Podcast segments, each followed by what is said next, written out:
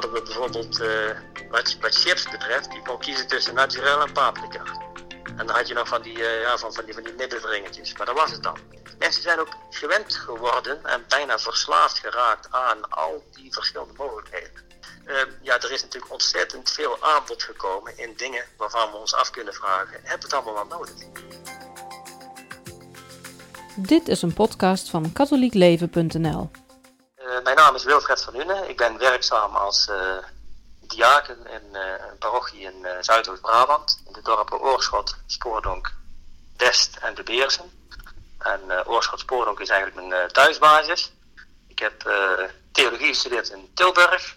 Heb daarna drie jaar pastoraal werk in Breda gedaan. En daarna ben ik naar Oorschot verhuisd. En daar werk ik nog steeds met heel veel plezier in in de parochie. Ik ben getrouwd met Marga, vader van drie dochters. En uh, ja, mijn hobby's zijn uh, vooral veel in de natuur vertoeven. Uh, vissen, sportvissen is een grote hobby van me. Dus ja, ik ben graag buiten en geniet van het mooie van de natuur. We spreken elkaar vanwege de Groene Kerken. Um, het is dit jaar ja. Laudato Si-jaar. Ehm, de kerk viert of gedenkt dat ehm, vijf jaar geleden Paus Franciscus zijn encycliek Laudato Si publiceerde. Waar komt jouw passie voor, voor de natuur en voor groene kerken vandaan? En nou ja, ik hoorde nu net dat je, dat je een fanatiek sportvisser bent. Ja. Uh, hoe past dat ook in het plaatje? Mijn liefde voor de natuur is eigenlijk al uh, ja, met de paplepel ingegeven. Ik, uh, ik, mijn jongensdroom was vroeger zeker niet pastor worden. Ik wilde op de lagere school wilde ik boer worden. Ik, ik, vond het prachtig om met dieren bezig te zijn en buiten te zijn. Had ook vriendjes uh, die thuis een, uh, ja, een uh, kleinschalig familiebedrijf hadden. En dat zag ik zo van dichtbij. Ik vond dat prachtig. later, toen ik naar de middelbare school ging, toen veranderde dat een beetje. toen was het mijn droom om bioloog te worden. ik heb altijd een grote interesse gehad in ja, alles wat groeit en bloeit en leeft en ademhaalt. Met name vogels en vissen. Ja, dus het vissen is ook, dat, dat is, van jongs af aan is dat een hobby van me geworden. Eh, via een buurman eh, heb ik dat eh, ja, overgenomen, zeg maar. Die nam me mee naar het kanaal hier in Oorschot. En daar heb ik mijn eerste visjes gevangen. En dat fascineerde mij enorm. En dus mijn liefde voor de natuur, dat heeft me altijd verboeid. Toen ik op de middelbare school, ja, toen bleek dat mijn kunde van de exacte vakken, wiskunde, natuurkunde, scheikunde, dat was eigenlijk niet zo best.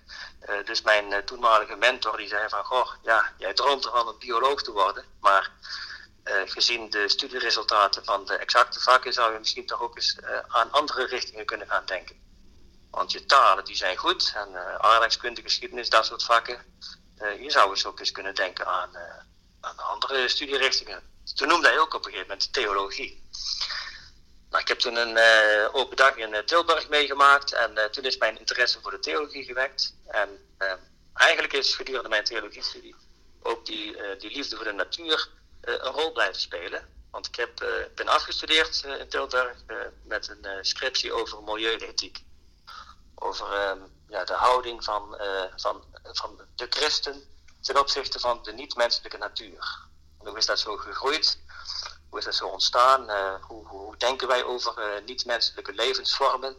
Uh, hebben die een eigen intrinsieke waarde of hebben die vooral een waarde, een economisch perspectief voor de mens? Ik vond het een, een bijzonder boeiend onderwerp en daar heb ik dus ja, scriptie over geschreven. Wanneer was dat? Welk jaar? dat was in, even kijken, ik ben afgestudeerd in 1992. Oké. Okay. Ja, dat is al een tijdje geleden, hè? Ja, dus ik, ik, vraag het ook om het, om het even af te kunnen zetten tegen Laudato Si. Dus uh, omdat je dan voor ons waarschijnlijk gewoon een hele goede vergelijking kunt maken tussen um, gedachtegoed wat er al was en wat Laudato Si aan, aan nieuws brengt of dingen weer her, herneemt. Ja, ik weet nog dat toen in die tijd speelde het conciliair proces een grote rol. En toen was er vanuit de kerken ook al aandacht voor de heelheid van de schepping. Hè? Dus de trits, vrede, gerechtigheid, heelheid van de schepping. Uh, dat is eigenlijk een voorloper geweest uh, op uh, Laudato Si. Tenminste, zo kijk ik er tegenaan. Maar het gedachtegoed van zorgzaam omgaan met de schepping, dat is natuurlijk ouder dan Laudato Si. ook Paus Johannes Paulus II heeft er veel aandacht aan geschonken. En in de jaren 70 was er al het rapport van de Club van Rome. Hè, daar werden ook allerlei voorspellingen in gedaan. lang niet alles daarvan is uitgekomen, maar de zorg toen geuit is, ja, die uit Paus Franciscus in Laudato Si, wederom en op een zeer ja, aansprekende en, en ook alarmerende manier.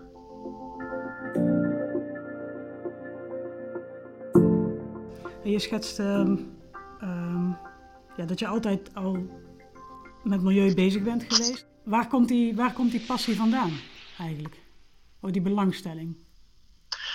Nou ja, toch uh, denk ik uh, vanwege uh, de zorg voor, eh, voor, voor de natuur, hè, de liefde voor de natuur. Als je ziet hoe mooi alles is, hoe mooi alles met elkaar verbonden is. Eh, maar ook hoe kwetsbaar tegelijk de natuur is. En hoe kwetsbaar de mens is. En hoe kwetsbaar ook het samenspel is van al die levensvormen en habitats en, en, en, en, natuurlijke leefomgevingen. Alles hangt met elkaar samen. En dat is een wonderlijk iets, maar ook een heel kwetsbaar iets. En we hebben ook als christenen, vanuit ons geloof, een bepaalde verantwoordelijkheid daarin. En dat is iets wat me altijd enorm heeft aangesproken. Dus ik denk dat dat toch wel een beetje de, ja, de, de belangrijkste drive is om hiermee bezig te zijn. Dus de, het wonderlijke en het kwetsbare van de schepping en de verantwoordelijkheid die de mens daarin heeft. Ja, ja. En ook dat je ziet dat uh, de mens iets kan maken of breken, om het zo maar te zeggen. Hè. De, de menselijk ingrijpen kan uh, desastreus uitpakken voor uh, voor de natuur of voor bepaalde planten of diersoorten. Maar aan de andere kant, menselijk ingrijpen kan ook herstellen en opbouwen en, en, en, en juist met de natuur meewerken. En wat heeft dat voor jou met je geloof te maken? Ja, alles eigenlijk. maar in wezen, de kern is denk ik toch dat van mijn geloof dat, dat het leven een geschenk is dat het leven voortkomt uit een, uit een bron, een verborgen bron, die wij dan met de drie lettertjes God noemen. God die alles geschapen heeft, de aarde, de planten, de vogels, de vissen, de dieren, de mensen, alles wat leeft, komt voort uit die ene bron. En dus in die zin zijn we ook medeschepselen van elkaar. Maar de broederschap begint bij mensen, maar uiteindelijk uh, omvat die uh, de hele schepping. De broederschap is niet uh, voorbehouden aan intermenselijke contacten. Maar voor Franciscus heeft dat alles te maken met verbondenheid met alles wat is. De hele werkelijkheid. En daar, ja, daar voel ik me heel erg bij thuis, bij die, bij die gedachte. Wanneer voel je dat, die verbondenheid? Ja, die, die, die, die, voel je eigenlijk elke dag. Uh, als, je, als, ik, als ik buiten ben, als ik een rondje ga uh, trimmen bij ons langs het kanaal, uh, s morgens en de dauw hangt boven de velden en de zon komt op en je ziet de eerste, je hoort de eerste vogeltjes, dan voel ik me helemaal één met, met de omgeving. En dat is, dat is, een heerlijk gevoel.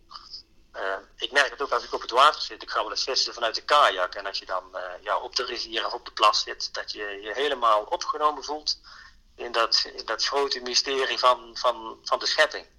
Klinkt misschien een beetje zweverig, maar zo voelt het voor mij wel. En dat, dat geeft een bepaalde rust. Ja, een bepaald gevoel van, ja, hier hoor ik thuis. Hier, hier ben ik mee verbonden. En als je een vis vangt, want met sportvissen gooi je ze ook weer terug in het water, denk ik, hè? Ja, alleen een sportvisser praat nooit over teruggooien, maar over terugzetten. Want uh, ook zo'n vis is natuurlijk kwetsbaar. En natuurlijk uh, doe je uh, dat beest eventjes een, een vorm van, van, van onbehagen aan. Want die, die vis die wil uiteraard niet gevangen worden. Die wil geen haakje in zijn bek krijgen. Maar die schade die is heel erg beperkt. Als je zo'n vis netjes behandelt. dat haakje dat is maar een, echt maar een heel klein puntje. Als je dat netjes weer verwijdert en je zet de vis terug in het water, dan zwemt hij weer uh, gelijk als een speer weg. En dan hervat hij zijn leven. En jij hebt als visser eventjes mogen genieten van dat wonderlijke schepsel wat uh, daar verborgen onder de waterspiegel zijn eigen leven leidt. En toch ben je eventjes uh, daar ja, getuige van geweest om, om zo'n vis te mogen bewonderen en even in je handen te houden. En nog even terug naar uh, Laudato Si. Um, ja. Wat is daarin voor jou een hele belangrijke passage? Um, ja, er zijn natuurlijk heel veel belangrijke passages, maar één ding wat ik heel erg mooi vind en wat ik ook heel erg goed vind om dat ook in het pastoraat telkens te benadrukken, dat is dat de paus, die heeft het herhaaldelijk over het evangelie van de schepping. Kijk, wij weten dat er vier evangeliën zijn, van Marcus, Matthäus, Lucas en Johannes. Maar ook de schepping noemt de paus een evangelie. Met andere woorden, eh, zo kijken wij als christenen, als gelovigen, naar, naar de schepping, dat die eh, Gods eh, blijde boodschap verkondigt. En daar word ik blij van. Als je zo naar de natuur kunt kijken, dat ook een, uh, ja, dat ook een, een, vogeltje of een mooie bloem of een prachtige groep paddenstoelen in de herfst iets vertelt van Gods grootheid en Gods liefde voor het leven. Dat vind ik, dat begint, daar zou het eigenlijk mee moeten beginnen. En met, het, met het erkennen en het herkennen van het evangelie in de schepping. Dat vind ik iets heel moois. Een ander punt wat ik ook heel wezenlijk vind is dat de paus de ecologische crisis waar we ons nu in bevinden, hij zegt van eigenlijk heeft dat te maken met een verkeerd begrepen antropocentrisme. En in feite is dat, dat antropocentrisme is natuurlijk ook iets wat in de Joodse en christelijke traditie uh, een eigen leven is gaan leiden. Het idee dat de mens zichzelf is gaan beschouwen als de kroon op de schepping. Het belangrijkste schepsel waar alles in feite om draait. En daarvan zegt de paus, dat is in het verleden ook wel eens verkeerd geïnterpreteerd. Zo van, alles is, is, is er omwille van de mens. Dus de mens die kan naar hartelust plukken en, en, en, ploegen en, en, en, en, en, roofbouw plegen in feite omwille van zichzelf. Nou, dat, is, dat benoemt hij dus heel expliciet en dat vraagt om een andere manier van kijken. En dat is, dat is ook iets wat denk ik van wezenlijk belang is. Dat we dat als christenen ook onder ogen zien. Dat antropocentrisme, daar moeten we mee afrekenen. Ja, en mogelijk ook omdat het uiteindelijk niet goed is voor de mens zelf. Precies, uiteindelijk keert het zich tegen ons. En daarvan worden we ons nu meer en meer bewust. Want heel mooi, ik heb vorige week op 4 oktober kwam die nieuwe film van David Attenborough. op Netflix werd die vrijgegeven. Uh, ik heb hem ook meteen diezelfde avond zitten kijken. En uh, die zegt dat ook. Hè, van, uh, ja, ik ben dan heel mijn leven heb ik genoten van de pracht van de natuur. Ik heb het voorrecht gehad dat ik de wereld heb mogen bereizen en reportages heb mogen maken. In Nieuw-Guinea en in Brazilië en noem het maar op. Overal, is overal geweest. maar nu, de laatste tien jaar, zie ik dat de manier van, ja, van menselijk omgaan met de natuur zich ook tegen onszelf keert. En hij zegt op een gegeven moment letterlijk, de aarde die redt zich wel, de, de, natuur die herstelt zich wel. Maar uiteindelijk doen we onszelf de das om. De mensheid, die staat op het spel.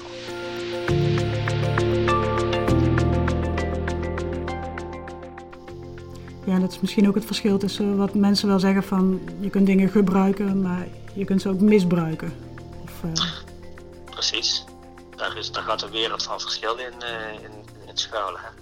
Natuurlijk mogen we de dingen gebruiken. We, we, kunnen niet anders. anders. We hebben de natuur nodig voor ons voedsel, voor ons, uh, ja, voor, voor, ons leven. Uh, dus alles wat we doen heeft een bepaalde impact op, op de omgeving. Uh, alleen het moet inpasbaar zijn, het moet ecologisch inpasbaar zijn. En daar worden natuurlijk ja, op tal van fronten, in de landbouw en in de industrie, het vervoer, noem het maar op, worden die grenzen ja, fors overschreden. Wat probeer natuur heeft, natuur heeft veel veerkracht, maar uh, uh, het is niet onbegrensd. Grenzen, die, uh, ja, daar zijn we nou al lang en breed tegenaan gelopen. Wat probeer jij daar zelf aan te doen? Um, wat probeer ik daar zelf aan te doen? Um, ja, dat zijn natuurlijk toch de dingen die je thuis in je eigen persoonlijk leven in het klein probeert uh, dat je probeert rekening te houden met, met je ecologische voetafdruk, om het zo maar te zeggen.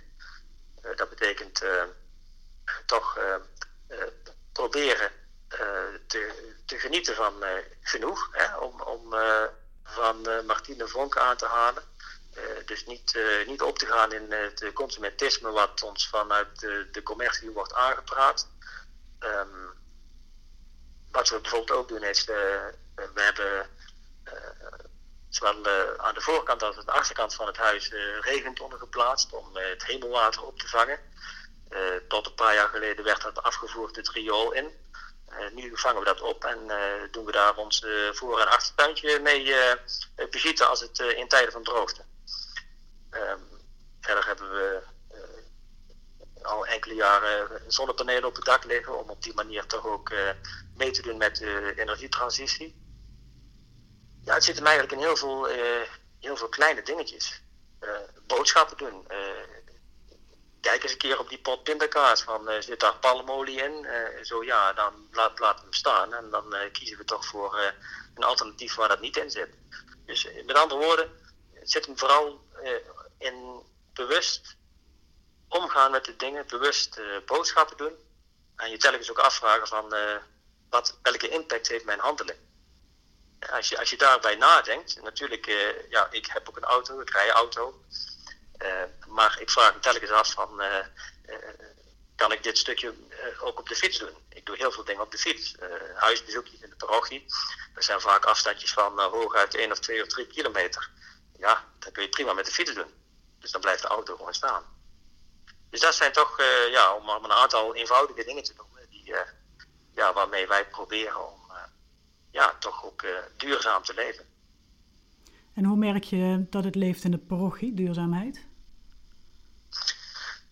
Ik merk dat het nu steeds meer een rol gaat spelen. Het, het heeft lang geduurd, eigenlijk onvoorstelbaar lang. Als, je dus, als ik terugdenk aan de jaren 70, dat rapport van de Club van Rome het uh, concilieerproces en uh, alles wat dat uh, aan gedachtegoed heeft opgeleverd, dan is het eigenlijk best wel merkwaardig dat mensen toch zo lang eigenlijk toch in datzelfde stramien zijn blijven hangen. Maar nu zie je de laatste jaren zie je toch meer, meer betrokkenheid, meer bezorgdheid. Ehm, ook onder jongeren trouwens. ik herken het, ja, we hebben zelf kinderen in de leeftijd van tussen de 15 en de 25. En die, die hoor ik ook heel vaak toch ook zeggen. En dat, heb, dat deden ze ook met leeftijdsgenoten. Dat ze bijvoorbeeld minder vlees gaan eten en oprecht zorg hebben over de impact van vlees eten voor het milieu. Dat, dat, vind ik wel heel mooi dat dat ook onder jongeren leeft. Dus je ziet wel dat er een, nu toch wel een, een, een, keerpunt is. En ik denk dat ook die coronacrisis daar een rol in speelt dat, het bevestigt natuurlijk nog eens een keer de kwetsbaarheid van, van de mensen zelf. Maar ook de impact van het menselijk handelen op het, op het milieu. En toen in maart, april het, het, het, zo erg speelde in China bijvoorbeeld. En tijdens de lockdown daar duidelijk werd dat de lucht in één keer een stuk schoner was geworden. Omdat de vliegtuigen aan de grond bleven en industrieën tijdelijk stil kwamen te liggen toen was dat ook een eye-opener voor veel mensen. En dat, en dat, dat is dan een, ja, een, een, een, misschien klinkt het raar, maar toch een, een positief effect van zo'n crisis. Dat mensen toch zich gaan bezinnen en dat de ogen nou echt wel open gaan. Want dat het anders kan en ook anders moet. En dat geeft me dan toch hoop dat mensen dat steeds meer uh, gaan zien en gaan delen dat wordt natuurlijk wel spannend. Hè? Ik, ik, kan me inderdaad voorstellen van dat het een eye-opener is als in één keer de lucht schoner is. Um, of als je niet op vakantie kunt, ver weg, maar dicht, dichter bij huis blijft. Heel veel mensen zijn deze zomer in Nederland gebleven op vakantie. Ja. Um, en vonden dat ook gewoon heel erg, uh, heel erg mooi. Aan de andere kant zie je ook dat er me meer mensen zijn gaan wandelen en dat er dus meer rotzooi in de bossen is gevonden. Um, ja. ja. Het is toch nog heel spannend van wat er, ja, wat mensen daarmee gaan doen met, met de ervaring van corona. Ja, dat klopt. En wij zitten natuurlijk, we, we zitten in een bepaald systeem ingebakken waar we niet zomaar uit kunnen. Uh, afgezien van het feit dat we er wel uit willen. Want het is natuurlijk heel comfortabel, de manier waarop wij hier in West-Europa leven. En zeker in Nederland. We leven toch in een van de meest welvarende landen ter wereld. En wij willen natuurlijk onze luxe en ons comfort, onze gemakjes niet zomaar uh, inleveren. Uh, dus, dus dat wordt inderdaad heel spannend. Natuurlijk maar de vraag of dat moet, hè, of, of we in levensstandaard terug moeten. Maar eh, wat duidelijk is, is voor mij toch wel dat het, het consumentisme, het overmatig consumeren en het uh, tot je beschikking hebben van uh, ja, van, van al het mogelijke en onmogelijke, om het zo maar te zeggen. Dat, dat we daarin een, een, een stapje terug zullen moeten, denk ik. Je, noemde net het afval in de natuur. ik, ik kom dat natuurlijk ook tegen. ik denk wel eens van, goh, ik ben nu 53. als ik terugdenk aan mijn lagere en middelbare schooljaar, toen hadden we bijvoorbeeld, wat, wat chips betreft, je kon kiezen tussen naturel en paprika. En dan had je nog van die, uh, ja, van, van die, van die. Maar dat was het dan. En als je nu in de supermarkt gaat kijken, dan heb je een hele wand vol met chips van de meeste, ja, in, in de allerlei vormen en kleuren en geuren en smaken. Hetzelfde geldt voor uh, zuivelproducten. Ja, vroeger had je vanillevla en ja, yoghurt en, en chocoladevla. En nu heb je ook weer ja, hele rijen. Mensen, mensen zijn ook gewend geworden en bijna verslaafd geraakt aan al die verschillende mogelijkheden. Maar ik wil maar zeggen, uh, ja, er is natuurlijk ontzettend veel aanbod gekomen in dingen waarvan we ons af kunnen vragen: hebben we het allemaal wel nodig? Het gaat om gedragsveranderingen. En wat je zegt van uh, het systeem, we zitten in een systeem en, dat zou eigenlijk moeten veranderen. Hoe zou jij denken dat uh, dat geloof daarbij, het katholieke geloof, de kerk ehm, en Laudato Si daar, daar een rol bij zou kunnen spelen? Kan dat helpen bij die verandering? ja, het kan zeker helpen. Ik denk dat het geloof een geweldige uh, inspiratiebron kan zijn om in elk geval uh, te wijzen op uh, het, het, de kostbaarheid van, van leven hè? En, en de kostbaarheid van mensen die ook hun beste krachten geven om producten te maken. Um, onze hele voedingsmiddelenindustrie, maar ook de manier waarop het aan de man wordt gebracht, verkocht wordt. Het, wij praten over producten. Maar als ik denk aan bijvoorbeeld aan mijn, oma, als, die, als we daar vroeger op bezoek kwamen en zij sneed een brood aan, dan pakte ze een brood onder haar arm, ze pakte een broodmes, ze sloeg eerst een kruisteken over het brood en dan werd het in, in sneetjes gesneden. Een heel simpel ritueeltje en ze deed het waarschijnlijk zonder erbij na te denken. Maar dat betekenis daarvan is wel van, nou dit brood dat is niet zomaar een stuk brood, maar daar zit eigenlijk de hele schepping in verweven. Hè? De, de graankorrel die heeft er zijn leven voor gegeven. Eh, de boeren die hebben ervoor gewerkt om het land te bewerken en het in te zaaien. Eh, ze hebben het geoogst. De graankorreltjes zijn verwerkt tot meel. De bakker die heeft er zijn best voor gedaan. Eh, de zon heeft geschenen om het gewas te laten groeien. Er is regen gevallen. Dus alles zit er eigenlijk in. En zo'n simpel ritueeltje. een gebed voor het eten is voor veel mensen is dat ook op de achtergrond geraakt. Maar dat zou ook een, toch even een dagelijks momentje kunnen zijn om je bewust te zijn van het feit dat, uh, dat het niet vanzelfsprekend is. En dat het ons allemaal toch maar geschonken is. En op het moment dat dat echt bij mensen uh, indaalt, zeg maar, dat mensen zich er echt van bewust zijn, dan, dan wil je ook anders gaan leven. Dan wil je ook met, je, met respect met, met je eten omgaan en met, uh, en met het doen van de boodschappen en met het boeken van je reizen en noem het maar op.